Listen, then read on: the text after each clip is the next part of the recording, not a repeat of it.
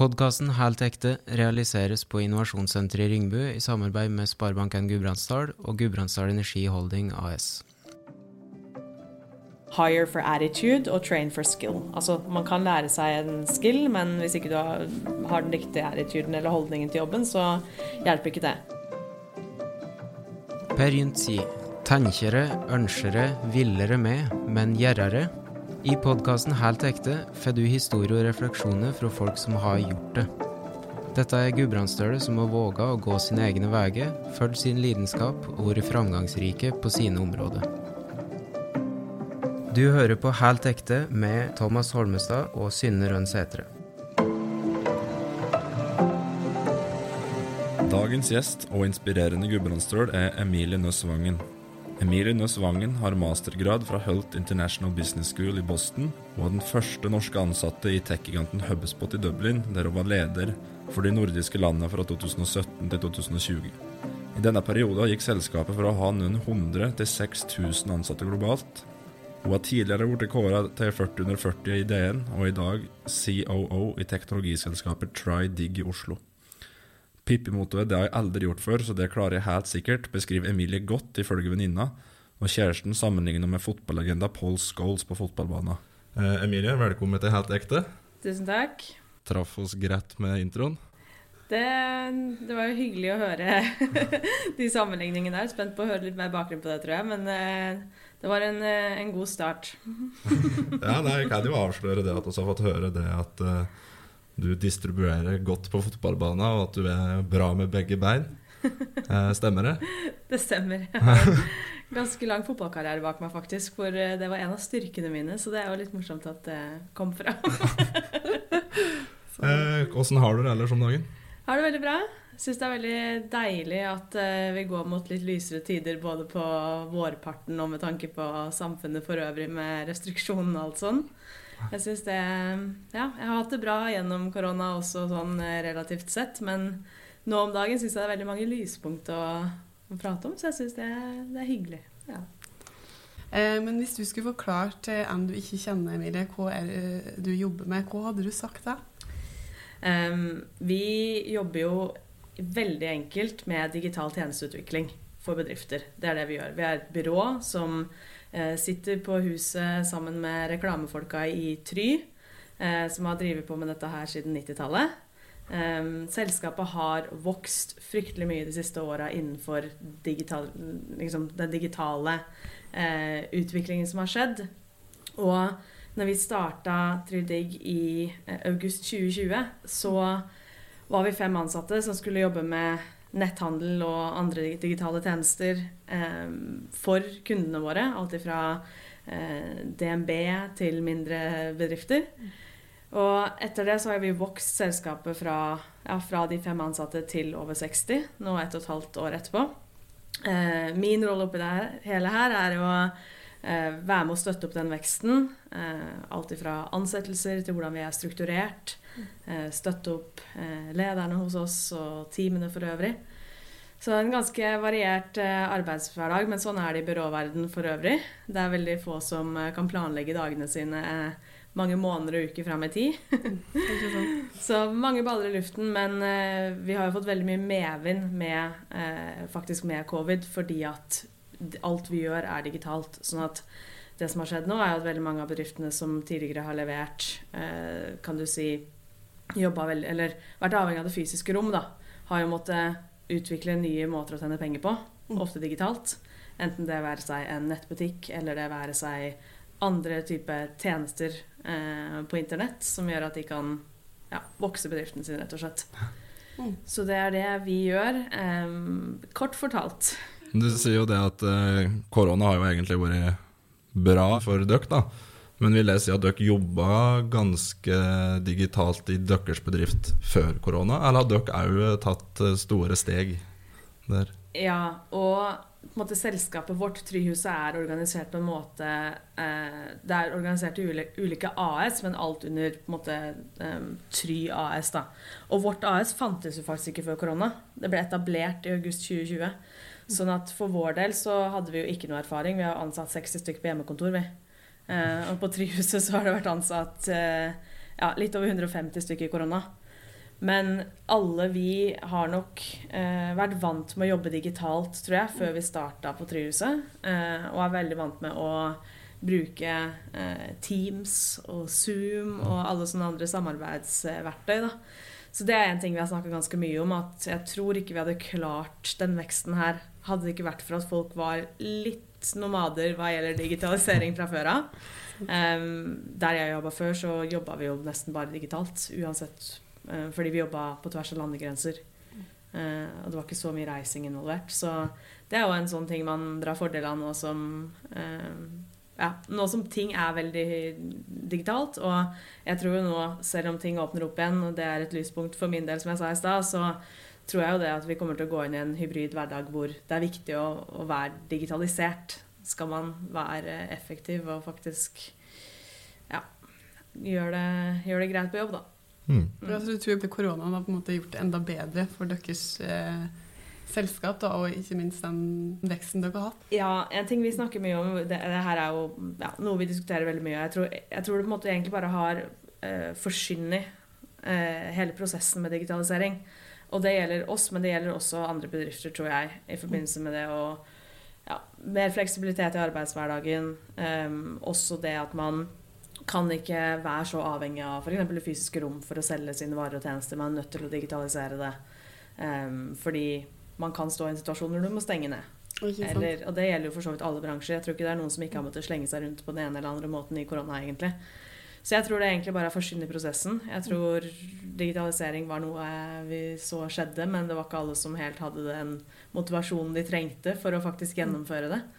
Uh, som fikk det i korona, da. Men jeg tror for vår del så er det helt klart eh, helt klart at eh, ja, vi kommer til å fortsette en hybrid hverdag. Og vi ønsker jo selvfølgelig at alle skal være på kontoret så langt det lar seg gjøre. Men, og det ser vi at ansatte vil også. Men det er klart at det er deilig å ha den fleksibiliteten til å jobbe hjemmefra. Fordi vi vet at det funker. Vi har bevist at det funker. Så hvorfor ikke? Ja. Mm. Du, eh, du, har blitt beskrevet som et fremadstormende tech-kode. Eh, når startet den eh, interessa for det feltet for din del? Det er jo et ganske godt spørsmål, egentlig. Jeg har um, Jeg har jo studert uh, organisasjon ledelse og tatt en master innenfor internasjonal business, så jeg har jo aldri studert teknologi på en måte eh, i seg selv. Men når jeg var ferdig med masteren min, så fikk jeg en jobb innenfor teknologiselskap. Og det var litt tilfeldig, men kanskje det var underbevisstheten min som dro meg litt til det området likevel. Um, der jeg jobba før, i, i, HubSpot, så det er jo et teknologiselskap som utvikler software. Mm. Um, og det, det, tror jeg Jeg fikk en sånn aha-opplevelse i møte med, med, hva den merkevaren faktisk kan gjøre for bedrifter. Da, hvordan det kan bidra til at bedrifter faktisk overlever eh, pandemier eller andre typer situasjoner. Og det tror jeg var en sånn øyeåpner for min del hva gjelder muligheter med, med teknologi, og hvordan man eh, ja, kan bruke det, hvordan det kan hjelpe samfunnet vårt for øvrig. Og jeg tror det har vært en veldig spennende eh, periode nå de siste fem til ti åra i utviklingen av teknologi også. Det er veldig mange norske bedrifter spesielt som fortsatt opererer på veldig gammeldagse måter. Mm.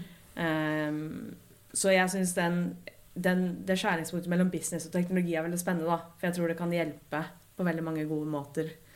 Um, ja, Så det var vel kanskje sånn det starta, tror jeg. Litt fra den businessverdenen og inn i teknologien og se hvordan det, det kan uh, er med å fyre opp under en god strategi, da. Men eh, hva drømte du om når du var liten, da?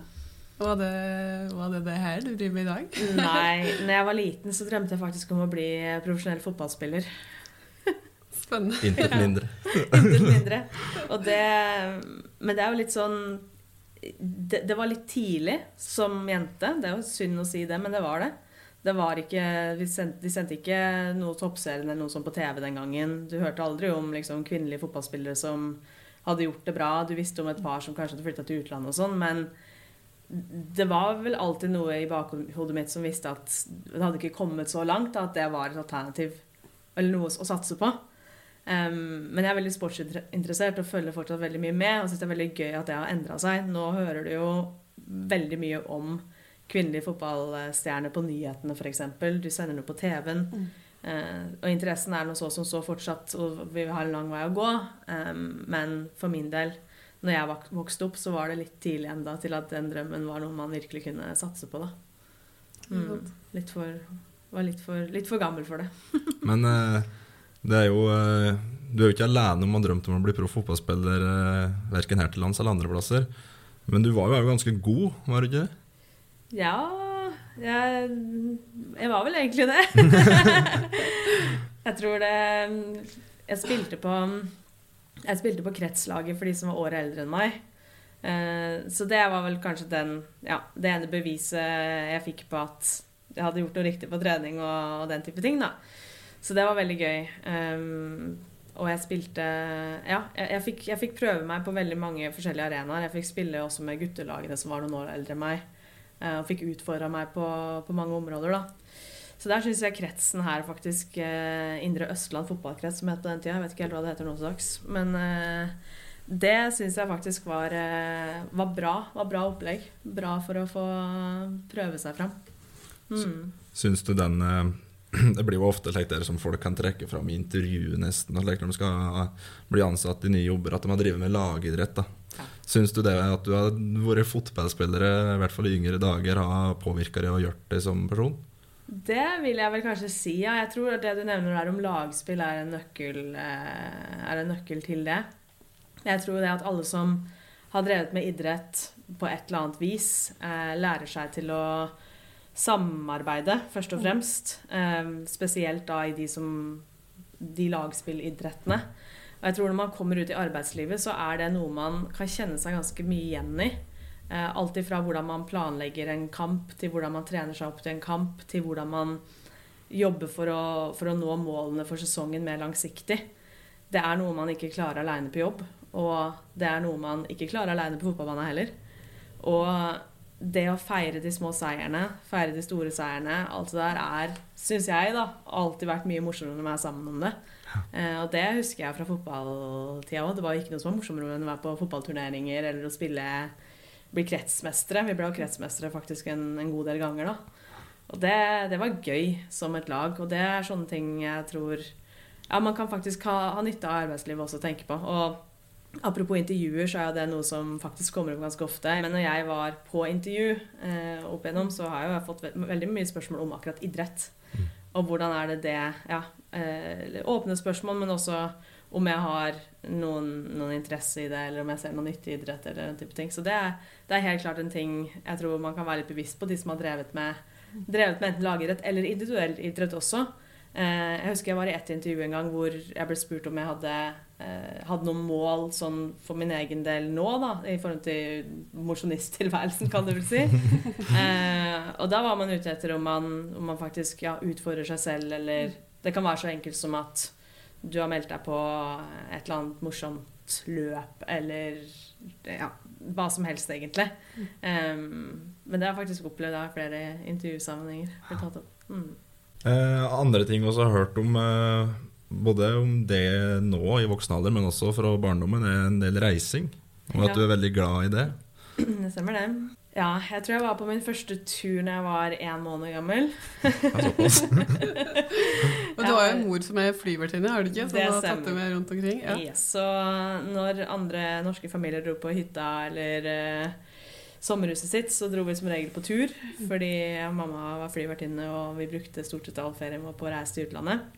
Det er noen ting jeg tror har forma meg som person, at jeg har vært heldig å gjøre det opp igjennom. Um, og selv etter man kommer til den alderen hvor man ikke er på familieferie lenger, så har jeg fortsatt å reise. Fortsatt vært på mye, veldig mye turer eh, over hele verden, egentlig. Det har vært en litt, et lite skudd for baugen for min del med covid. At man ikke har fått, ikke har fått oppleve verden på samme måte som, som det man har gjort før. Men også reflektert mye over det at når jeg har sittet hjemme da, og det har vært lockdown, at jeg er fryktelig glad for at jeg alltid bare har gjort og dratt dit jeg har ville. da, Mm. Og ikke venta med det. Jeg, jeg har selvfølgelig igjen veldig mange steder jeg har lyst til å reise, men jeg har alltid, jeg har alltid på en måte bare, bare gjort det. Mm. Så langt uh, la, la, latt seg gjøre. Mm. Og det, det er veldig takknemlig for nå, da. Men jeg tenker på, Du har tidligere sagt at du har en eh, forkjærlighet for Gudbrandsdalen og Lillehammer. Mm. Eh, Hvilken betydning har det hatt for det å vokse opp eh, der? Det har nok betydd alt, egentlig, for forminga av meg og de verdiene jeg har nå. Jeg, eh, ja, jeg har vel nevnt eh, det i noen andre sammenhenger tidligere at veldig mange av mine venninner ler jo av meg når jeg kommer med toget til Lillehammer og poengterer på en måte den lufta som er her, og hvor fint det er, og hvor utrolig omgivelsene våre er her. Det er jo ingenting som kan måle seg. Og jeg tror fra, fra det å vokse opp, så finnes det jo ingen steder i verden som er bedre enn her. Du har altså ren luft, godt vann, du har skogen, du har fjellene.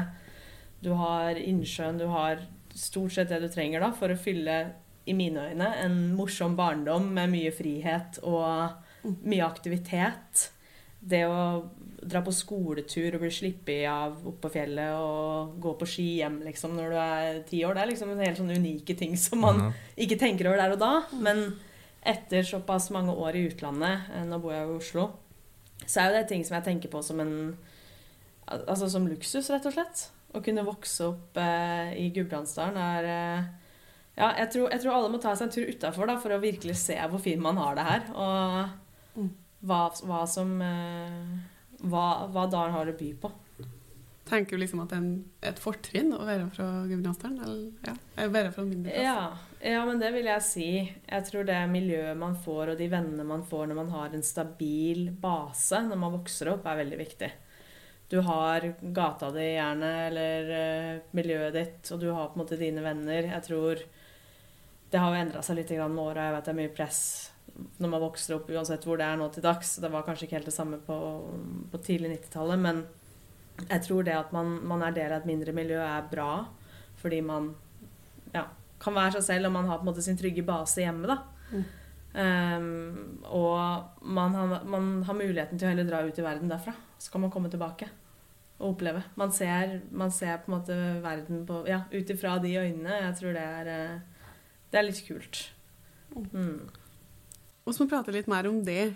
Du fremstår jo som veldig trygg i deg sjøl. Hvordan vil du liksom beskrive deg sjøl? Jeg tror egentlig det. Jeg tror egentlig jeg alltid har vært veldig trygg i meg selv. Eh, og at jeg har vært heldig som har hatt foreldre mens jeg vokste opp, som har støtta meg i det jeg har ville gjort.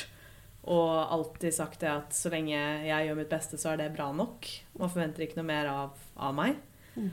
Um, og så har jeg vært veldig dreven i forhold til det ja, å gjøre det godt på det jeg går inn for. Jeg trenger ikke å være måte, god i alt, men så lenge man kan lenge man kan være så ærlig med seg selv og, og, og, si det, da, så kan man heller fokusere på de tingene, enten om det er på skolen eller på fritida eller idretten, som man faktisk liker å gjøre.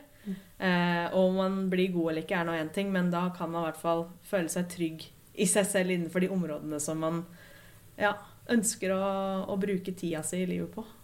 Mm. Hvor, be, hvor bevisst er du på å få mest ut av tida? Hva er tid for det? Det er noe jeg faktisk har tenkt ganske mye på i det siste. Eh, fordi tid er jo til syvende og sist det eneste som man aldri får gjort noe med. Du må prioritere tida di. Mm. Og vi Jeg var litt inne på det i, i, begynnelsen her at vi har hatt veldig mye å gjøre på jobb i veldig lenge nå. Fordi vi har hatt, vært altså, veldig heldige sådan, veldig ydmyke overfor det. Fordi pga. korona så har vi fått mange nye kunder osv. Og, så og vokst bedriften vår enormt mye sammenligna med, med, det som er vanlig, kan du si. Så for min del så, så betyr jo det en del jobb eh, og mindre fritid ofte. Men eh, og, derfor så er det veldig viktig å prioritere tida godt. Så jeg tror det starter allerede når man våkner, når man våkner på morgenen. Og på en måte være du skal ikke være så effektiv at ikke du kan eh, liksom ta en kaffeprat eller sløse litt med tid, men jeg tror man, man, må følge en plan, og man må planlegge litt fram i tid. Ikke sant? At man, man veit hva man skal gjøre, man veit hvilke milepæler som kommer, hvilken, hvilke eventer, hvilke ting man skal være med på både på jobb og utafor jobb. Og så planlegger man tida si. Og For noen år siden så hørte jeg Det var en av kollegaene mine der jeg jobba før, som sa det at eh, hvis du skal få noe gjort, så må du spørre de som har mye å gjøre. Og det har sittet litt med meg, fordi det stemmer, tror jeg. Det er sånn, De som har mye å gjøre, de får det gjort, for de må prioritere ting. Mm. Mens folk som ikke har så mye å gjøre, de, det haster liksom ikke helt. Så jeg tror eh, det å bli ferdig med ting, ikke utsette ting, Um, men faktisk ja, prioritere, prioritere, det som er viktig. Jeg har fått et, et, ganske viktig verktøy som har hjulpet meg mye også de siste åra. Det å, å, prioritere oppgavene dine etter hvor viktig det er, og hvor mye haster det. For ting kan være veldig viktig, men det haster ikke. Så man klarer å kategorisere det. Liksom. Og det gjelder egentlig når man er på skolen òg. Er det noe som, Har man et arbeidskrav, eller har man et, eh, en eksamen? Eh, så er det veldig viktig, men det er ikke, det er ikke alt er relativt til tid. da. Mm. Så så lenge man planlegger lenge i forveien, så kan man også planlegge hvordan man skal bruke tida si opp mot den ene milepælen, hva nå enn det er. Så det har hjulpet meg litt i forhold til det å prioritere. Og så har vi nå har jo, Jeg tror det her er et tema man, man leser veldig mye om, i hvert fall oss som er i jobb, er dette her med at nå har det vært så mye møter som ikke hadde trengt å være møter, og møter som kunne vært en e-mail og alle sånne ting. Og det er jo noe vi er ganske bevisste på at når vi setter opp møter, f.eks., så er det tid man tar ut av dagen fordi, som, som, du tar bort fra å gjøre andre arbeidsoppgaver. Så prøv å gjøre korte avsjekker oftere i stedet for å ha, sette av liksom to timer av en åtte timers arbeidsdag mm. til et møte for å diskutere noe. At man, man kan faktisk være litt smart i hvordan man planlegger arbeidsdagen, men også eh, tiden etter mm. jobb. Ja. Men like, på fritida, hva gjør du for å koble tå? Altså Vanlig, vanlig svar på det ville jo egentlig vært at jeg drar, jeg drar, mye på turer. At jeg drar mye på helgeturer rundt omkring i Europa, eller ja, nå i siste også i, i Norge. Og for meg så er det å reise er en kjempegod måte å koble av på. Det, er, det funker for meg. Nye impulser, det å se nye steder, prøve nye restauranter, dra på sightseeing. Jeg elsker å være turist. Det er også litt sånn som jeg, mange av mine venninner ler av meg. Og de synes jeg liksom er den største turisten noensinne. Men jeg syns det er gøy. Det er deilig å bare være litt passasjer og, og se nye ting. Um, men nå i det siste, for å koble av, så tror jeg faktisk det å, det å dra tilbake til Lillehammer har vært det jeg har gjort mest. Uh, jeg er ganske ofte på Lillehammer og hjemme um, med familie, og det er deilig. Dra etter jobb på fredag og være der ut helga. Har vært der også litt, litt mer nå pga. hjemmekontor, så kunne ha litt utstrakt helg. Og da kunne jeg gå på ski. Noe jeg, jeg har aldri gått aktivt på ski, eller noe sånt, men jeg syns det er veldig deilig å gå på ski for å, å slappe av. Bruke, bruke naturen litt og, og, det. Så har jeg jo ja, tatt med meg en, en Ire hjem som jeg bor sammen med, så han lærer seg å gå på ski nå. Det er veldig gøy. Det er en veldig fin måte for oss å, å koble av på. Gå på langrenn, ja. Mm. Hva er favorittplassen du har vært på? Buenos Aires. Det var det ypperste? Det tror jeg. Jeg har fått det spørsmålet ganske mye. Og når jeg var i Argentina, og da i Buenos Aires, så er det det var altså en sånn, Apropos det å koble av og komme dit. Det var altså en helt annen type eh, En helt annen type opplevelse enn det jeg har hatt noe annet sted. Altså Der er det sånn De danser tango i gatene, og det er liksom Det er matkulturen og hele hele viben i den byen. Jeg tror Det bare Det overraska meg veldig. Jeg hadde ikke forventa at jeg kom dit. Lidenskap og Ja, veldig lidenskapelig og veldig ve Veldig Ja, utrolig Utrolig hjertevarmt sted, vil jeg si. Um, men det er vanskelig for meg, fordi jeg har, jeg har egentlig ganske mange favorittsteder innenfor ulike kategorier. Men det er nok det stedet som jeg tenker at uh, hvis jeg skulle dratt tilbake noe sted, og vært der i noen uker, så ville jeg faktisk dratt dit. Jeg er jo litt sånn, Når jeg er ute og reiser, så er jeg veldig sjelden på ett sted mer enn I hvert fall ikke mer enn én en uke, og det er veldig sjelden, det òg. Eh, for jeg liker å reise rundt og oppleve flere deler av et land osv. Men eh, det er et sted jeg tror Apropos nå er det jo veldig mye snakk om sånn jobbe remote og sånn. Mm. Så jeg, Buenos Aires er et sted jeg kunne godt tenkt meg å ha vært i to-tre uker og, og kunne jobba derfra eller oppleve det. da. Det høres ut som du får mye inspirasjon til å reise, og jeg fikk òg eh, høre på forhånd at du, du, er jo glad til å oppsøke nye kulturer, og at du får mye inspirasjon til det. Men uh, hva er det som gir deg mest inspirasjon i livet akkurat nå? Vet du hva, jeg tror faktisk at akkurat nå så er det det faktum at vi kan begynne å bevege oss litt igjen, apropos reising, altså. Fordi det har, ikke kun, det har ikke kunnet gitt meg inspirasjon på to år. Og nå kan vi begynne å dra på konferanser igjen med jobb. Vi kan begynne å møte kundene våre fysisk. Vi hadde faktisk vårt første kundearrangement her forrige uke hvor vi spilte inn podkast. og da inviterte vi Det var ikke mange, men vi hadde 40 stykker i salen. Hvor vi inviterte inn til et, et gratis arrangement.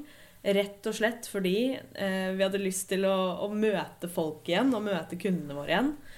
Og det merka jeg ga meg veldig mye inspirasjon og energi. Det at man kan, faktisk kan være i samme rom med folk som man ja, Egentlig som man ikke bor med, da, for det er jo det vi har vært i samme rom med egentlig nå i to år. Men at vi kan møte folk fra andre bedrifter, andre mm. bransjer. Snakke om felles ting som, som vi syns er interessant. Ja.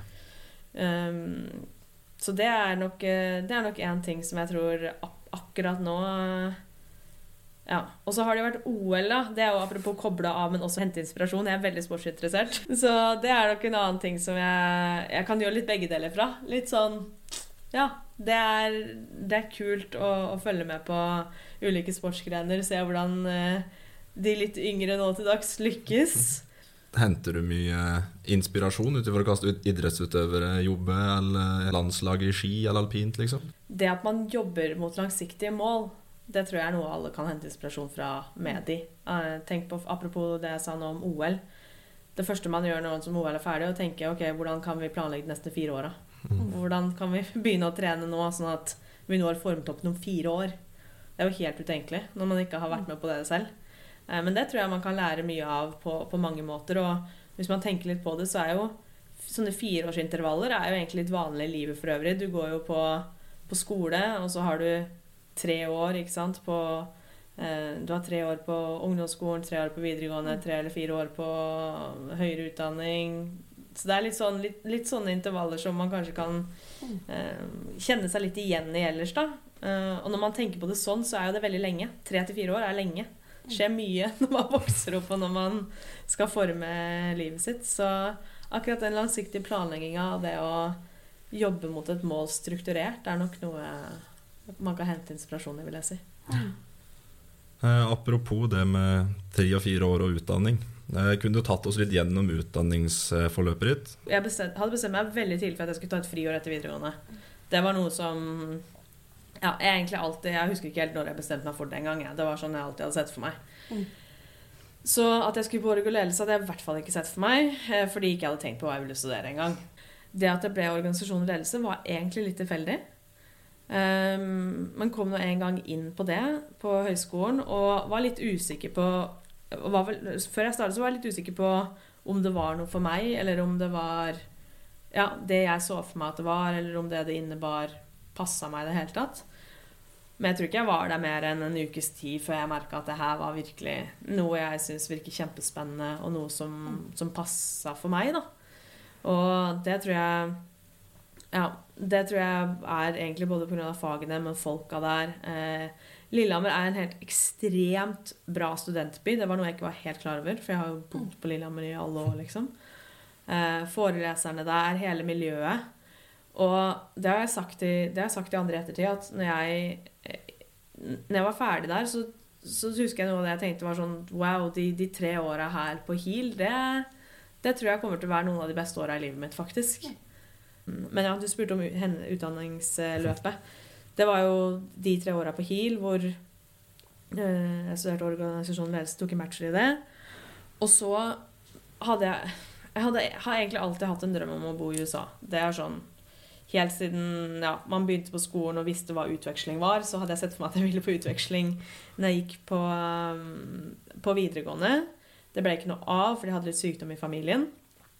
Og når jeg da begynte å bli ferdig med, med bacheloren min, så tenkte jeg ok, nå eh, er det egentlig helt åpen, eh, åpen åpent landskap av hva man kan gjøre. Mm. Hva skal jeg gjøre nå? Så tenkte jeg ok, nå er min mulighet til å dra til USA og prøve det. Eh, det blir ikke på utveksling, men kanskje jeg skal dra og gjøre noe annet. Og så kom jeg over da Holt, som er skolen jeg gikk på, Holt International Business School hvor eh, man har muligheten til å studere enten i San Francisco eller i Boston. Mm. Og det, de fagene jeg hadde lyst til å ta, de var i Boston. Eh, så jeg søkte meg inn på Master of International Business, som var en egentlig ganske naturlig neste steg av den organisasjonen ledelse-bacheloren. Mm. hvor vi eh, hadde egentlig alle slags mulige ledelse- og økonomifag innenfor eh, internasjonal business. Så da eh, pakka jeg sekken og flytta til Boston. Hadde aldri vært i Boston før, men det sekundet jeg begynte å prate om at jeg skulle flytte dit, så følte jeg alle rundt meg hadde vært der. Og hadde så mye positivt å si om det. Så jeg var litt sånn, jeg har jo reist så mye, så jeg ble veldig litt, overraska. Hvorfor har ingen sagt noe om det her før? Kanskje jeg burde ha vært der allerede. Men så flytta jeg nå en gang dit, og trivdes også helt ekstremt godt i Boston. Eh, også en, en, annen by jeg absolutt vil anbefale alle å reise til hvis man har mulighet. Men der, ja, der var det rett, rett inn på, på, master. Og det var eh, veldig, veldig gøy, veldig givende, men òg veldig utfordrende fordi alt gikk jo selvfølgelig på engelsk. Jeg anser meg selv som ganske oppegående engelsk. Jeg har jo reist mye, og vi, i Norge er vi heldige. Vi lærer jo engelsk fra vi begynner på skolen, og sikkert tidligere enn det nå til dags. Men jeg ble ganske kjapt slått tilbake med at den akademiske engelsken, engelsken som man bruker i utlandet, er litt annerledes enn det vi blir lært på skolen her.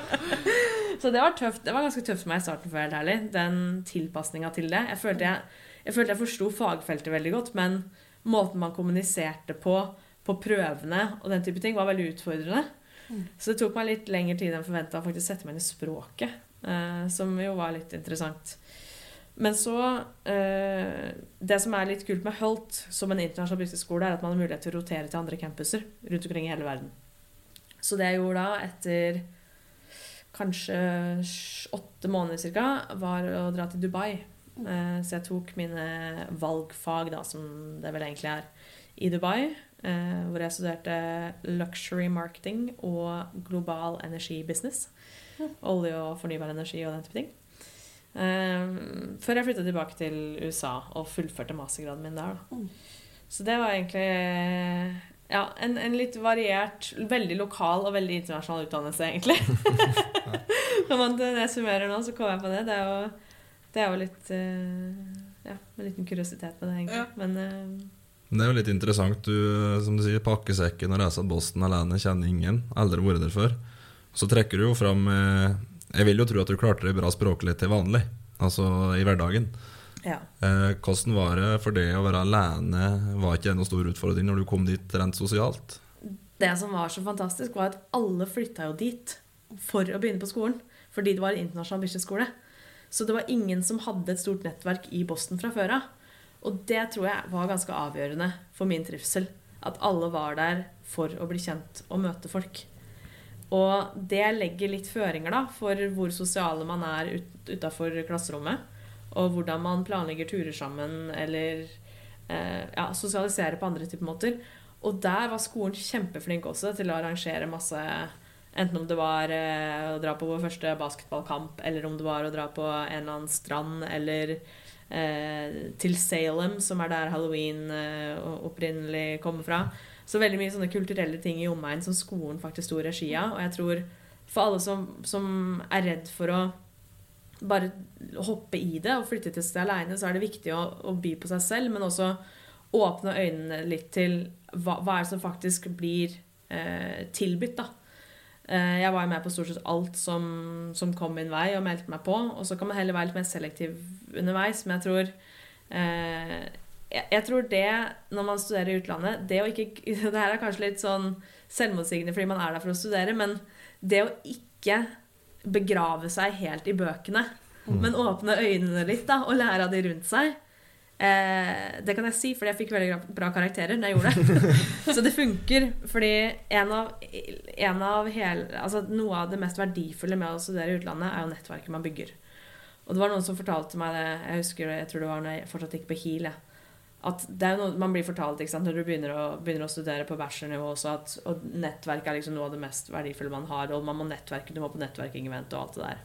Og så er jo det ganske kleint, fordi du, du kan dra på et, et nettverking-event enten på skolen, organisere eller, eller, hva det er, men det føles litt kunstig å bare nettverke. Men så var det noen som sa det til meg at nettverking du, du, må nettverke før du trenger nettverket ditt. Det er sånn du nettverker. Og da husker jeg det gikk opp et sånn skikkelig stort lys for meg. Ja, det gir mening. De folka du kjenner organisk, er jo et nettverk som faktisk kan hjelpe deg. Ikke de du går og, og gir bort businesskortet ditt til, eller prøver å nettverke bare på nettverket. Men sånn er det litt også der i utlandet. da Jeg gikk på skole med Jeg tror vi var 80 nasjonaliteter eller noe sånt. Så det har jo ført til at jeg kjenner jo folk over hele verden. Mm. Og det er veldig verdifullt når du lærer eh, Vi hadde f.eks. et fag som het eh, eh, International Business Context. Så hva er det som er konteksten av å gjøre business i ulike land? Mm. Det kan du lese om, og du kan google deg fram til, og sånn, men det er jo de som satt rundt meg i, i klasserommet mitt, som kunne fortelle meg om det kulturelle elementet av å åpne opp en eh, bedrift i Kina. Eller eh, hva er forskjellen på det versus Colombia? Og jeg kunne fortelle om de kulturelle normene i Norge. Ikke sant? Sant? Det er litt sånn eh, så, så apropos det å, være, å, å hoppe i det, så tror jeg oppsummert det, det å være åpen, men også det å, å ha øynene åpne for de rundt deg. Og jeg tror det flink pike-syndromet som er ute og går nå til dags, er jo litt sånn ned i boka, hjem rett etter skolen, lese, pugge, hele pakka der. Og det er viktig, men prøv å sette litt i, Jeg tror alle må prøve å sette litt i kontekst av hvor man eh, ja, hvor man befinner seg, egentlig. Og prøve å, å sette teorien ut i verden. Da, for er vi, lærer, vi lærer jo ting på skolen for å bruke det i verden. Og livet. Da sier du jo at eh, når du var ferdig på videregående, som sagt, så hadde du egentlig ikke noe plan når du visste ikke hvor du skulle studere. Jeg har visst jeg har, jeg har nok aldri hatt en Jeg har aldri hatt en drøm om å, å jobbe på et spesifikt sted, vil jeg si. Men jeg har vel hatt en, et mål om hva jeg har lyst til å At arbeidsplassen min skal ha, da. Eh, for eksempel så liker jeg å føle meg som det dummeste i rommet. Altså det at alle rundt meg kan ting jeg ikke kan, det syns jeg er kjempegøy. Det at jeg kan lære av folk som ja, Om det er noe teknisk eller kreativt eller et nytt fagfelt eller hva det nå enn er. Elsker å møte nye folk og, og få den derre ja, litt sånn inspirasjonen av wow, blir så, jeg blir så imponert da, over folk som, som kan noe annet. Så det, det at man sitter eh, og faktisk kan jobbe med ulike fagfelt, den tverrfagligheten, er noe jeg alltid har sett for meg at jeg vil ha. Også hatt lyst på en arbeidsplass hvor man kan utfordre seg, men også utfolde seg. Eh, det har vært også veldig, veldig viktig for meg. Og så er det klart at den, det elementet av eh, variasjon i det man jobber med, er nok òg viktig for meg. Jeg liker å ha 100 baller i lufta. Jeg trives ikke når jeg kjeder meg. Fryktelig dårlig på det. Eh, men det er, litt sånn, det er litt sånn som jeg har hatt de siste to jobbene i de siste seks-sju åra. Har hatt det. Du hører på Helt ekte, og dette er 15 kjappe. Hvis du kan reise hvor som helst i morgen, hvor reiser du da? Påskeøya. Hva er det beste komplimentet du har fått? At jeg er som eh, en, en god til å spille ball og god til å, å slå pasninger ut. Så det tror jeg reflekterer litt på mange ulike måter. Er du A- eller B-menneske? A. Du kan tilbringe en hel dag med hvem som helst person. Hvem hadde det vært? I hele verden. Ja? David Beckham. Nevn tre ting du ikke kan leve uten. God mat. Kan definitivt ikke leve uten eh, familien min og ja, samboeren min. Og så tror jeg nok heller ikke jeg kan leve Jeg tror ikke jeg kan, kunne levd resten av livet mitt uten den friheten til å reise, faktisk, som vi ikke har hatt i det siste. Favorittfilm?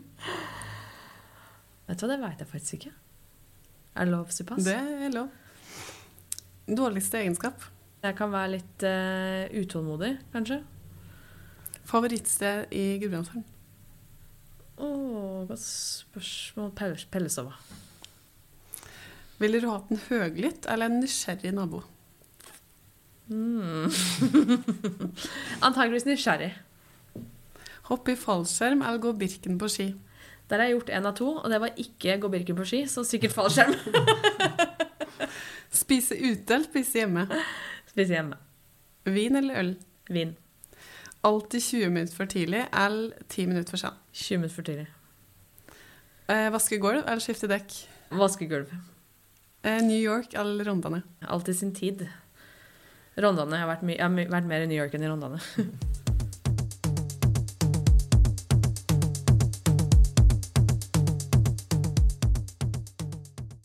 Jeg tenkte på det med når du, du var jo den første norske ansatte, som du sa, i, i HubSpot da, i Dublin. Jeg vil jo tro at det var nokså viktig på en måte eh, for de karriere så langt. da. Og det vokser jo, er jo veldig mye i den perioden du eh, Eller de åra du var der, da. Var det noe du hadde sett for deg før du begynte? Absolutt ikke. Og jeg tror ja, helt, helt definitivt at det har vært noe viktig. Jeg hadde aldri sittet her hadde det ikke vært for det. Fordi det å, å ta den sjansen der og hoppe på det, det toget, det har vært definerende for alt jeg har gjort etterpå. Det at man kom inn på i et amerikansk software-selskap som var helt i startgropa av veksten, og få være med og være med på den reisa har vært veldig lærerikt på utrolig mange områder. En ting var litt det vi var inne på tidligere med det å faktisk jobbe i skjæringspunktet mellom business og teknologi. Mm. HubSpot leverer jo en softwarevare som gjør det mulig for selskaper å vokse mer strategisk. Mer målbart, mer um, Ja, mer, mer, målbasert også, egentlig. Så det er jo en helt fenomenal plattform når man er litt interessert i business. Men det å også komme inn i et miljø hvor du du har altså Ja, et, soft, et, et, amerikansk selskap har en helt annen måte å jobbe på enn norske. Der er det mye jobb, men det er strukturert jobb, og det er målbar jobb. og det er, det er jeg tror faktisk alle som har muligheten på et eller annet tidspunkt til å jobbe i et amerikansk selskap, kanskje spesielt amerikansk software-selskap, burde gjøre det og prøve det. Mm. Fordi man, Det er litt sånn livets skole, altså. Du lærer, eh, du lærer hvordan en organisasjon skal og bør fungere hvis det er et velfungerende selskap. Eh, som har vært veldig viktig for meg nå når jeg jobber med å bygge selskap. Mm. At man har faktisk Du trenger ikke å finne på hjulet eh, hele tida. Du har det, Ting funker. Ting Ja, prosesser og strukturer og ting som som har gjort da at HubSpot har blitt et av verdens raskeste software-selskap. Det starta i 2006. Da var det to ansatte. Nå i 2022 så det kommer til å bikke 8000 ganske kjapt. Det er ganske, det er ganske ekstremt. Um, så det er klart at det å være der Ja, i Dublin, da når jeg var der, så var vi Vi var et såpass lite kontor at alle kunne navnet på alle der. Alle de 8000 er jo ikke i Dublin, men det kommer nok til å bikke Jeg er ikke helt sikker på det seneste tallet, da, men jeg, jeg tipper det har bikka 1000 allerede. på en måte. Mm. Og når jeg kom dit, så var det ja, alle kjente navnet mitt og visste at jeg var ny. Ja, eh, og det, det, gjorde jo at jeg fikk et veldig godt nettverk internt i organisasjonen også, mm. som jeg fortsatt har, og som jeg har kunnet lært veldig mye av. Så jeg tror ja, helt klart det har vært et eh, Det var et definerende valg for min del, ja. Det å være i et selskap da, som er i så enorm vekst, det er jo ei veldig like, solskinnshistorie, men det kan jo ikke være bare lett til. Det, det med å skulle vedvare en kultur i selskapet når du går ifra mm. titalls ansatte til så mange tusen. Mm. Eh, hadde dere noen strategi på det da? Ja, og det er kanskje noe av det som har sittet med meg mest i etterkant. De har vært ekstremt eh, innovative kan du si, i forhold til kultur. For eksempel så finnes det, det finnes veldig få regler. Det eneste er på en måte use good judgment, sier det til alt. Sånn ansatte bare bruk sunn fornuft eh, og få jobben gjort. På ansettelser så er det eneste ret retningslinjen er um, hire for attitude og train for skill. Altså man kan lære seg en skill, men hvis ikke du har, har den riktige attituden eller holdningen til jobben, så hjelper ikke det. Og det tror jeg faktisk er ekstremt viktig med tanke på det å forme og beholde en kultur. At du ansetter folk som fordi culture happens, sier man ofte. ikke sant? Det er ikke noe, Du kan ikke bare dra kultur over hodet på folk eller presentere hva kulturen skal være. Mm. Det er noe som skjer mellom folk. Mm. Så det å ansette de riktige folka med de riktige verdiene er jo det som til syvende og sist former kulturen.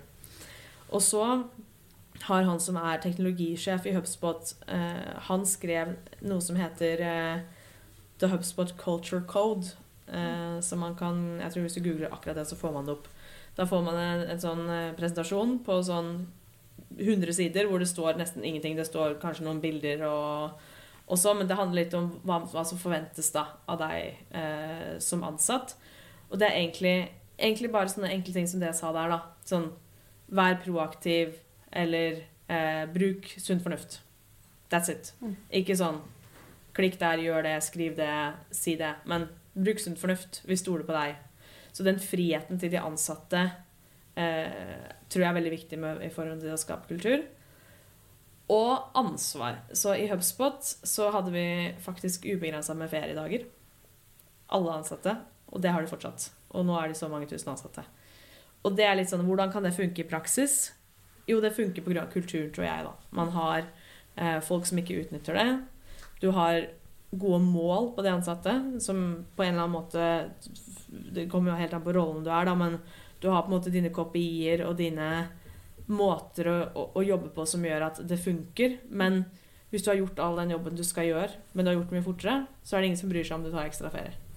Men ansatte er- føler seg veldig ansvarlig for å gjøre jobben sin også på et vis. Du har aldri noen problemer med den type regler. Da. Jeg syns det er veldig interessant fra et kulturelt perspektiv. Og det er jo veldig få på jobben min som tror på meg det når jeg sier at ja, vi hadde faktisk ubegrensa buffeer i HubSpot, liksom. Det er jo ikke helt arbeid... Eller arbeidsmiljøloven følges jo ganske til punkt og prikke her. Det er veldig Når du sitter på arbeidsgiversiden, så vet du at det er, det er veldig lite av godene som gjør at en kandidat velger oss overfor en annen bedrift. Det er jo Altså vi har 25 feriedager og noen ekstra feriedager her og der. Altså, det er veldig sånn Det er litt A4 på det meste av, eh, av godene. Så har det kommet til noen ting nå de senere åra, da, men den kulturelle biten der tror jeg er, veldig, er en veldig viktig del av det. Men tenk på det du sier med det, det kulturelle. på en måte. Har du eh, brukt det du på en måte erfarte i HubSpot i oppbygginga av det nye selskapet? Da, og hvordan har du tatt med deg den, den lærdommen inn i det eh, her i Norge, da, i Oslo? Selv om selskapet vårt er nytt, så sitter jo vi på huset med disse andre selskapene som har vært der i, i mange år, selv om vi er vår egen enhet. Og det som eh, jeg nok har Eller vi da har fokusert mest på, er vel egentlig å, å ivareta den huskulturen som har vært der. Fordi det har funka så bra i så mange år, og det er så mange flinke folk på huset. Men hvordan kan vi passe inn i det samtidig som vi bygger opp vår egen kultur? da? Det er jo ikke gjort på en dag, det heller, på en måte. Det kommer jo Jeg, jeg tror det jeg har tatt med, er på en måte det det kommer gjennom folk. Uh, culture happens. Sånn er det faktisk. Det er ikke noe vi bare kan bestemme hva som skal være kulturen. Uh, men det er noe, når du leser businessbøker og, og sånn, så er det veldig ofte at man, man skriver at det skjer noe med selskap idet man bikker 50 ansatte. Da er det ikke liksom den lille startup i verden lenger. Og det har nok vi merka veldig mye nå, eh, spesielt i 2022, da, eh, når vi har bikka den grensa. Så jeg, det er et av de tilfellene hvor jeg, hvor jeg har sett at den, eh, den ledelsesteorien faktisk stemmer overens med virkeligheten. Ja. Em, så det er nok litt Det er nok en utfordring som jeg tror jeg ikke har svaret på akkurat nå, men, men som kommer til å bli spennende å følge med litt med på og, og være del av da, i, i månedene og årene som kommer. Hvordan man ivaretar den kulturen. For vi har jo, vi har jo klart å lage, tro det eller ei, en, en veldig god og fin kultur på hjemmekontor.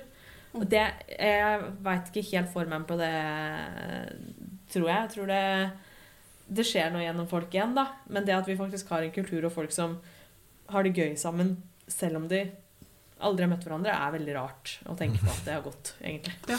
så nå må jo vi altså ikke sant, Nå er vi først tilbake på kontoret nå, så nå må jo vi lage en kontorkultur.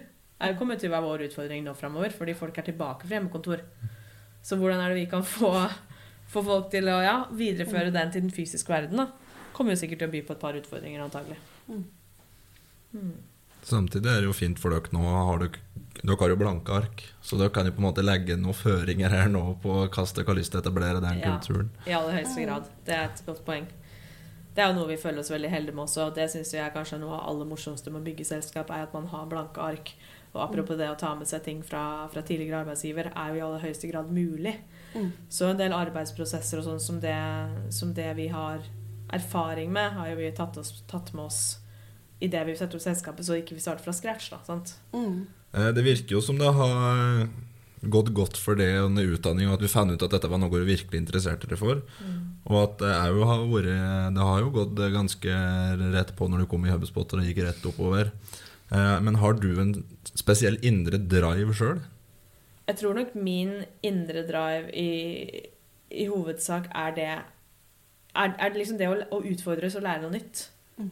Jeg, jeg tror at det er noe som Når jeg tenker på det, for det er jo ikke, noen, det, er ikke det jeg går og tenker på hver dag, på en måte, men når jeg reflekterer litt over det, og hvordan jeg motiveres og drives som person, så er det nok det. Det at man, man lærer nytt, man er rundt folk man lærer av. Eh, Jeg er veldig heldig der jeg jobber nå, og jobber veldig tett sammen med daglig leder hos oss, som har vært i bransjen mye lenger enn meg, og som jeg lærer noe av nesten hver dag på jobb. Og det, det syns jeg er fryktelig morsomt. Så jeg tror jeg drives av utfordringer. Um, og så har jeg, jeg har vært igjennom nå ganske mange eh, ganske mange sånne ulike systemer både på business, i business-skolen og, og HubSpot og sånn, så jeg har jo tatt ekstremt mange sånne tester. Det er jo noe man begynner med når man er, går inn i arbeidslivet. Og en av driverne mine da, som, som alltid går igjen eh, som indre motivasjon for meg på de, er konkurranse. Så jeg drives av konkurranse. Og det tror jeg stemmer. Jeg tror det henger også sammen med interessene mine. At jeg er interessert i sport, f.eks. Jeg tenkte på en annen ting. Det med Hvor viktig er det for deg å på en måte ta ut potensialet ditt? Er du bevisst på det? Det er jeg nok antageligvis bevisst på, ja. Eh, det vil jeg si. Ellers så hadde jeg antageligvis ikke vært der jeg er nå. Um, spesielt i HubSpot så er jo det meste av Altså hele karrierestigen din i HubSpot er blir bestemt ut ifra dine egne prestasjoner og hvor godt du klarer å utnytte det eget potensialet, faktisk. Så det var en sånn tankegang jeg egentlig fikk planta med en gang jeg starta på jobb der. Mm. Eh, og nok sikkert tenke på enda ja. Men det jeg, synes, det jeg kanskje tenker mer på, er litt sånn Hva er mitt potensial? Det veit jeg ikke helt. Ikke sant? For jeg er jo fortsatt ganske tidlig i karrieren min. Jeg skal jobbe i hva da? Mm, over 30 år til. så det er litt, jeg, er veldig, jeg er litt så spent på hva som kommer min vei. da, Fordi ting har kommet litt min vei så langt. Det har vært sånn jeg har kommet hit her i dag. Ikke at Jeg, jeg overlater jo ikke til, ting til tilfeldighetene sånn sett, men eh, jeg syns det er litt spennende å tenke på hva som er potensialet mitt, for jeg veit ikke svaret. Hva har vært ditt høydepunkt eh, person- eller karrieremessig så langt? Det at jeg i fjor ble ringt fra Dagens Næringsliv og spurte om jeg ville være med på 40 under 40 fra DN, det var jo et ganske stort høydepunkt. Eh, først var jeg litt sånn Herregud, 40 under 40, jeg er jo så vidt 30. Men eh, det må jeg si at det, da, det trives jeg veldig med og syns var et høydepunkt fordi at igjen, da kommer jeg dit og føler, føler meg jo Altså at det er 39 andre folk i rommet som, som er smartere enn meg. Ikke sant? Og da trives sånn, du? Jeg, ja, da trives jeg. Det syns jeg er veldig gøy, da. Men det, det, er nok en sånn ting som Ja, som er, eh, som er veldig inspirerende fordi at det er en sånn, en sånn ting i karrieren som videreutvikler meg. da. Du har samlinger med så mange andre kloke hoder som Ja, hvor du på en måte lærer av andre igjen da, av andre bedrifter, andre næringer, andre industrier, hvor du får diskutert reelle business caser, ting vi sitter i på jobb, ting vi eh, sliter med på andre fronter, kanskje utfordringer med kundene våre. Altså alt. Og det, det er jo sånn konfidensielt sparringsrom, egentlig, som er langsiktig. Det er, måte, det er, jo ikke bare en sånn Å ja, her er en liste over dette her. Det er et forum hvor, som jeg er del av, da, som jeg møter en gang i måneden, og som vi faktisk jobber sammen i. Og det er veldig gøy. Eh, så det var et sånn Ja, et litt morsomt høydepunkt, for så vidt. Uh, og så tror jeg jo det, det at jeg sånn om noen år og ser tilbake på der jeg sitter nå, er nok sikkert noe jeg kommer til å omtale som et høydepunkt. Det at jeg faktisk tok uh, sjansen og flytta hjem til Norge og begynte å jobbe på Tryhuset, kommer nok til å være veldig formativt for uh, meg selv hvis jeg hadde sittet her om ti år, vil jeg si. Mm, det er mm, tror jeg. Det er så interessant hvilken måte du ser på og andre rundt deg, og har sikkert hatt mye å si i forhold til hvor du er i dag, da, og hvilke sjanser og muligheter du har fått, og ikke minst tatt. Det har du nok rett til. Um, det tror jeg nok. For det Og det, det, tror jeg er noe som Jeg, jeg tror det er kjempelett ja, å føle, føle, seg sånn litt sånn out of place, mm. kan jeg si det på den måten. Det har jeg gjort mye, jeg òg. Men når du først er der, da, så må du bare gjøre det beste ut av det. Og liksom De første gangene hvor jeg følte litt sånn Den første gangen jeg følte litt sånn, var jo når jeg bodde i Boston. Fordi en ting var på en måte på skolen. Der kommer du inn, og du kommer inn på karakterer og intervjuer og det som er. Så du, det er ikke det at jeg ikke har følt Du følte jo ikke at jeg ikke fortjente å være der, selv om jeg følte at alle andre var veldig smarte. Men i Boston så har man jo utdanningsinstitusjoner som Harvard og MIT og andre sånne ganske verdenskjente steder som var åpent for type konferanser eller ting på helgene, og du kunne signe deg opp og bli med på ulike, ulike ting. da. Og jeg husker de første gangene jeg var med på noe sånt. Da jeg var på Harvard på et sånn ledelses- og business-seminar. Den første gangen så følte jeg jo litt sånn Her tror jeg ikke hun fra Lillehammer egentlig skulle vært. Men da var jeg, vet du hva, da får jeg bare eie det og bli med. Og møtte folk som jeg ja, ble kjent med, lærte av foredragsholderne. Og det er litt sånn Ja, litt eie det litt de første gangene. Og så når man har kommet den kneika føler seg litt utilpass et sted, så kan man vri om det til å lære av de du, du er rundt. Jeg tror det er litt viktig. ja. Hva skulle du ønske at du visste før du starta i eh, arbeidslivet, eller før utdanning? Det jeg kunne ønske jeg visste før jeg starta i arbeidslivet, kanskje, da, Mm. var jo det hvor ekstremt vanskelig det er å finne gode folk når du ansetter folk. For det er litt sånn man føler seg så innmari redd da når man er student, og du veit at det er vanskelig å få jobb. Jeg var litt inne på det i stad òg. Sånn Det er fryktelig. Eh, det er fryktelig å være ferdig på skolen og være nyutdanna, og det å skulle finne sin første jobb og komme seg over den kneika. Men det er jo faktisk i i realiteten sånn så er det at det er veldig vanskelig å finne gode folk. Altså Vi sitter jo og rekrutterer fryktelig mye. Og er jo Vi er jo helt avhengig av å ha de beste hodene hos oss.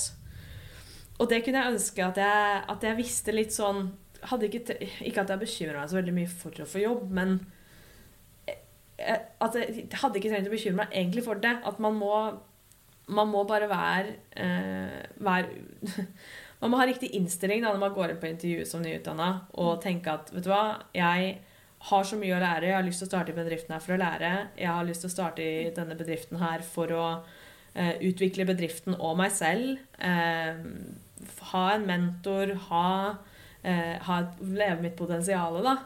Og det tror, jeg, det tror jeg nok veldig få tenker. Jeg gjorde ikke det selv heller når jeg satt på den, den sida, men jeg ser jo det nå når vi, vi ansatt, ansetter jo flere nyutdanna i. Eh, og man merker jo det. ikke sant? At de, de er jo redde og føler at man kanskje ikke har så mye å bidra med fordi man ikke har arbeidserfaring. Men det er liksom ikke så farlig hvis man har den riktige holdninga, eller man, man faktisk bare går godt over ens. fordi til syvende og sist så er det jo menneskelige interaksjoner som man dømmes litt på også, sant, i intervjusetting. Det at man eh, Jeg syns dere to er ålreite folk, jeg tror vi kan jobbe sammen, er jo en ting som, som går gjennom det som sitter og intervjuer folk også. Mm. At man har Hvor mye liksom, klarer man å ta feedback? Har man en god samtale? Alle de greiene der, det, det kunne jeg nok ønske at jeg visste igjen når jeg gikk ut i, i arbeidslivet. For jeg, med en gang jeg satt på den andre sida, som jeg allerede gjorde i HubSpot, så, så sitter man jo med Rekruttering er jo en reell utfordring fordi som sagt, du klarer ikke å bygge selskap fort og godt hvis ikke du har de riktige hodene. Og så, på skolen, som er det andre spørsmålet ditt ja.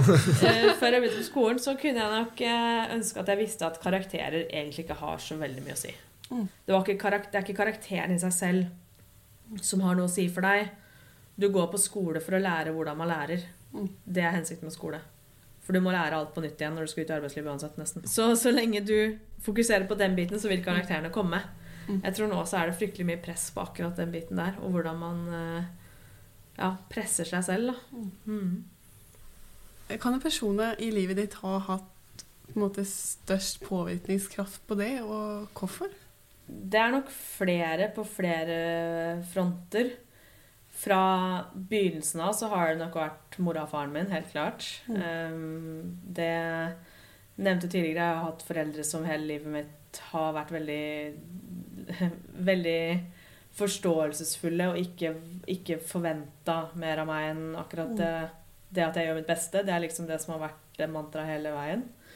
Eh, og det har nok betydd fryktelig mye for meg nå med tanke på å takle nedganger. Da. Det har jo vært altså, Den ene gangen nå én ting, men det har jo vært selvfølgelig ting som jeg ikke har gått helt min vei, eller at jeg kanskje ikke har fått en god karakter, eller den type ting, men jeg har klart å tenke på at av det da, og den, den oppveksten at det går fint, liksom. Jeg, jeg gjorde det jeg kunne. Mer enn det får jeg ikke gjort.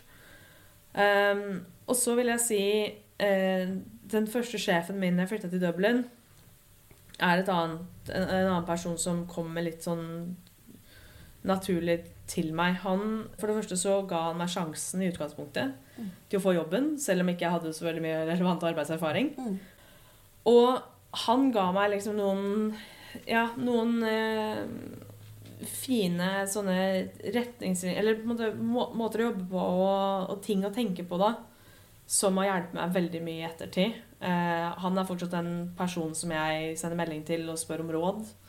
Eh, og jeg synes, når jeg slutta i HubSpot, så var faktisk det Det å, å slutte å, å ikke skulle jobbe med handlinger, var kanskje noe av det aller vanskeligste.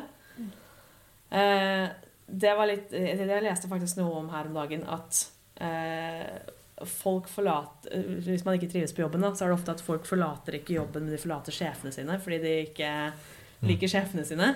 Og det kan også spille litt motsatt vei. da, At hva er den sjefen man ikke har lyst til å forlate? Mm. Sånn at jo, arbeidsplassen blir bra. Um, men så er det klart Damien, samboeren min, vi møttes på jobb. Uh, første dagen min på jobb i Irland, så hadde han starta en måned tidligere, og han møtte meg der når jeg kom. Um, og det har jo nok vært noe som har forma meg veldig mye òg. Det at jeg faktisk har en person jeg er så tett på, som Mm. for det første skjønner hva jeg jobber med, for det er jo en sånn ting. Mm. det er jo Ikke sånn. ja, men sant, det er liksom Mm. en måte familie, men også, også mange venner som på en måte ikke jobber innenfor det samme i det hele tatt, Mm. som er fryktelig deilig. Sant? Ehm, men det å ha noen som man kan, kan sparre med, og noen som man kan uh, Ja, rett og slett uh, lufte litt uh, både frustrasjoner og glede og dele det der sammen, er veldig, veldig bra. Så er det selvfølgelig vennene mine fra De som jeg har hatt lengst, vil jeg si. Jeg var litt inne på det tidligere at det her med å, å, å vokse på et sted hvor du har basen din og legger på en måte grunnmuren, er noe som er, eh, har vært veldig viktig for meg. Og det at du, du har liksom de, et knippe venner rundt deg som har vært med deg hele livet, det har nok forma meg på en, et vis, vil jeg si. Ja, Har du noen like, eh, leveregler? Eller noen filosofier eller noen setninger som du liksom bruker? Det har vært én som som har stikket med meg, og det er 'never stop learning'. Og, og det tror jeg Det tror jeg summerer litt opp det jeg har sagt her og Ja. tidligere, da. At det det. Jeg tror faktisk det, det sekundet man stopper å lære, da blir det kjedelig. Og da, da tror jeg òg man ikke klarer å, å prestere på verken jobb eller privat eller idrett eller hva det er lenger. Fordi hvis du kommer til et punkt hvor du føler deg utlært, så har du enten feil holdning, eller så er du på feil sted. Du vil aldri komme til et punkt hvor du er utlært på noe, for da klarer du ikke å, å vokse. Og jeg tror det skal veldig mye til for at man er utlært på noe. Det, ja, jeg tror ikke jeg kan komme på et eksempel hvor det Mm. nesten går an. Mm. Eh, Jeg lurer litt på eh, framtida. Eh, Nå har vi den perfekte gjesten her, for oss liker å vinkle litt eh, Gudbrandsdalen eh, fram i tid. Ja. Og hva eventuelt digitale flater og den pandemien vi har vært igjennom, da, Mm. kan gjøre for Gudbrandsdalen Mm. i neste åra. Mm. Har du noen tanker om det? En stor driver i, i næringslivet og i dalen for øvrig her er jo eh, selvfølgelig eh, turisme og tilreisende og eh, uten Eller altså skal man si penger som kommer utafra, da. Mm. for å si det sånn. Så det å tenke strategisk på markedsføring av regionen og bruke det som, eh, som fins av digitale verktøy der ute, eh, er nok viktig. Og så tror jeg også dette her med rekruttering, da, som jo kanskje er noe av eh, Eller et av de vanligste svarene, er vel kanskje hvordan er det man nå kan tilrettelegge for at arbeidstakere kan jobbe fra dalen? Ikke bare de som tilreiser, men eh, og er her og, og ferierer og sånn, men hvordan er det folk med jobb i byene, spesielt Oslo, kanskje kan eh, ha fast bopæl da, i dalen eh, fordi man bruker digitale løsninger til jobben sin? Det tror jeg er viktig. Og da tror jeg steder som gjør det mulig å faktisk sosialisere seg på hjemmekontor, er helt essensielt. Mm. At man, Der har det jo skjedd mye kult på Lillehammer i det siste, og også på dalen. eh, med ulike sentre osv. Men det at man faktisk har muligheten til å jobbe remote, da, eh, men faktisk møte folk inn, enten innenfor samme bransje eh, eller helt andre bedrifter også, at man kan dra og sette seg et sted Sånn at man ikke kommer helt i hjemmekontorbobla. For jeg tror at i lengden, for meg selv, da I lengden skulle jeg flytta tilbake til distriktet, så tror jeg ikke fem dager i uka på hjemmekontor hadde fått meg til å trives veldig mye lenger enn fire måneder, liksom. Mm. Jeg tror du må ha muligheten til å sette deg på et sted eh, ha en kaffe med noen, spise lunsj, ta en fredagspils. Så det der sosiale elementet. Ja. Kollegiale der, Ja, liksom. og det trenger, det trenger ikke nødvendigvis å være kollegaer. sant? Nei. Det kan være andre folk som jobber de òg, fra åtte til fire, eller hva det er. Så jeg tror i forhold til ja, til, til spørsmålet hva, hva Gudbrandsdalen kan tenke på, så tror jeg hvordan man kan legge enda bedre til rette og, og fortsette å bygge på det som har begynt å, å bygges i forhold til det å ha, ha arbeidstakere her. Og, og kanskje vri litt, grann, vri litt grann fokuset fra det at vi bare har naturen, eh, naturen og, og, som trekkplaster, til at man faktisk har arbeidsplasser også i Gudbrandsdalen som kan by på karrieremuligheter. Mm. Sant? Det er jo viktig. Mm. Jeg tenkte, Du prata om det nå med eh, remote work. Jeg syns det var så interessant tankegang det med at eh, det du sa med at det viktigste er at folk har det bra, og da Mm. presterer de her bedre Mm. på jobb. Og hvordan skal liksom møte den vår generasjon da, eh, i forhold til fleksibilitet i jobbhverdagen. Og ja, Tenker du det er viktig, på en måte, å, litt det vi var inne på nå med Gudbrandsdalen, men er jo generelt da, er viktig å spille på framover? Ja, det vil jeg si. Og jeg tror det, det som er veldig viktig for den generasjonen som kommer opp i arbeidslivet nå, er fleksibilitet, og det er um, det, det Frihet under ansvar da, er noe som blir brukt mye. ikke sant? Det at Mm. man Du har mye frihet i jobben, men du må stå ansvarlig for å få ting gjort. Men micromanagement er liksom en ting som er helt utgående. Det er ingen som Ingen ledere nå til dags som kommer til å gjøre det veldig bra på jobben hvis de overvåker alt ansatte gjør eh, fra åtte til fire. Sånn funker det ikke lenger. Så jeg tror det at man har et bevisst forhold til det, men også klarer å tilrettelegge sånn at man har eh, At man har fleksibilitet, da. Og sånn som for vår del så har jo vi eh, Vi har jo lagt ned en del jobb i å I å faktisk formalisere det litt. Så vi har lagd et sånn eh, program. Eh, når jeg presenterte det sist, så, så kalte jeg det Trypearl Remote. Vi har et endra navn på bedriften etter det, som heter Trydigg. Ja. Um, så Trydig Remote, hvor man har noen uker i året hvor man kan dra og jobbe fra hvor man vil. Mm. Uh, uten at vi legger oss noe mer opp i det. det. Det er litt opp til deg om du vil dra og sitte tre uker i Buenos Aires, eller om du Vi har jo hatt en gjeng som eh, nylig har vært i Alpene, f.eks. På skiferie. Det er jo litt sesongen for det. Så at man får litt den inspirasjonen, da, så er det klart at vi, jo, vi er jo heldige med ferie her i Norge. Vi har jo, har jo mye ferie. Men der jeg kommer fra, så det er ubegrenset med ferie. Så det som Det er veldig deilig å Du kan reise hjem da, eller gjøre andre ting andre steder enn akkurat eh, gateadressa på kontoret uten å måtte bruke opp all ferien din. Og det merka jeg veldig mye det, Eller det merka jeg veldig godt når jeg jobba i HubSpot, at ikke jeg trengte å bruke veldig mye ferie på å reise til Norge. At jeg kunne dra hjem til Lillehammer og jobbe herfra en uke. Mm. Mm, Og så kunne jeg dra ellers på, måte, på ferie dit jeg ville. Det tror jeg er, kommer til å være viktig i årene som kommer, fordi at Mm. mange, mange er jo tilflyttere til der man har, uh, har jobb.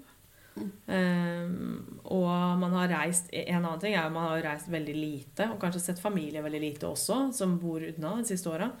Så det at man har muligheten til å gjøre det uten å bruke opp 25 feriedager, det tror jeg nok er noe som kommer til å bidra til en god kultur, da. Mm.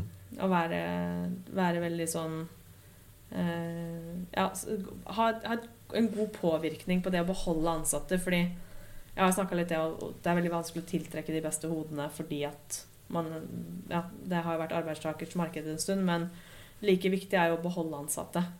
Og det er jo på litt på det kulturelle, det, og hvilke tiltak er det man faktisk kan iverksette for å, for å beholde de gode hodene. Og jeg tror akkurat disse tingene her er viktige i forhold til det. Men også gi fleksibiliteten da, til å flytte hjem um, der man er fra. Eller flytte til et helt annet sted i landet, hvis det er det man gjør. Mm. Hvor tror du sjøl at du er om ti år? Åh, det er veldig vanskelig Det er så vanskelig for meg å svare på, fordi det har skjedd så enormt mye for meg de siste ti åra. Men eh, Vet du hva, jeg veit faktisk ikke. Og det er nok kanskje et svar i seg selv som summerer litt opp det jeg har sagt til meg selv òg. Jeg, jeg veit ikke. Jeg ser nok for meg at jeg er innenfor samme bransje, antageligvis. Eh, men jeg kan i hvert fall si det at jeg Jeg kommer nok i hvert fall til å jobbe et sted hvor jeg har muligheten til å utvikle meg. Eh, er rundt folk som jeg føler er smartere enn meg, og eh, blir utfordra på jobb hver dag. tror jeg jeg er om ti år. Um, kanskje, med, kanskje med sterkere tilknytning til Gudbrandsdalen på et eller annet vis. Det Ja. Mm. Emilie, om du skulle gitt et råd til en ung gudbrandsdøl i dag, hva hadde det vært? Dra og studere i utlandet. Om det er en måned, eller om det er et halvt år på utveksling, eller om, om det er å ta en master. Poenget mitt er det, trenger ikke å være at du, du drar og tar en hel, en hel, grad, men jeg tror det at man kommer seg ut, har på en, en bosituasjon i, i utlandet, får litt nye impulser på språk, møter folk fra andre steder i verden, det tror jeg er eh, ja, noe som har forma meg aller mest opp igjennom. Og det er noe jeg aldri ville vært foruten. Jeg hadde aldri vært der jeg var, er, er, i dag, hadde det ikke vært for at jeg, jeg gjorde akkurat det. Emilie Nøstvangen, tusen takk for at du delte din historie med oss og kom hit i dag. Veldig hyggelig å bli invitert. Tusen takk.